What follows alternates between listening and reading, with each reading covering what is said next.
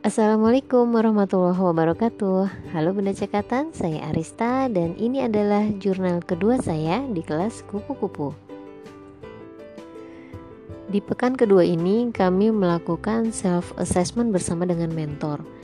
Jadi saya dengan mentor saya melakukan video call via WA Kemudian kami sama-sama melakukan assessment masing-masing gitu Uh, pertama mentor saya dulu, jadi beliau mengungkapkan apa aja gitu ya skill desainnya yang berhubungan dengan sebelumnya kita udah ngobrol ya via Facebook Messenger gitu, sehubungan dengan apa yang saya ingin dapatkan.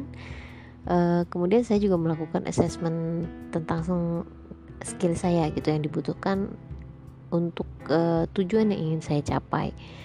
Nah, um, intinya sih nggak lama ya kita cuma sebentar aja ngobrolnya karena sebelumnya kan juga udah chatting di Facebook Messenger dan sebelumnya juga mentor saya itu memberikan sedikit challenge gitu ya untuk saya uh, dan mentinya yang lain uh, untuk kami membuat sebuah infografis mengenai uh, skill assessment kami gitu.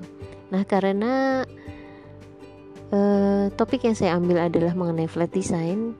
Ya udah jadi uh, hari ini alhamdulillah saya sudah menyelesaikan challenge tersebut membuat uh, desain assessment skill saya menggunakan flat design. Saya sudah serahkan hari ini tadi tapi belum dibaca sih ya sama mentor saya. Jadi saya belum bisa bercerita banyak bagaimana feedbacknya.